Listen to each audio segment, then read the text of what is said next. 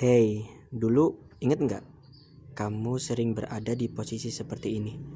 Hampir menyerah dengan keadaan, tapi akhirnya kamu bertahan dan terus berjalan. Lantas, kenapa sekarang berpikir untuk menyerah setelah kamu bisa berjalan sejauh ini?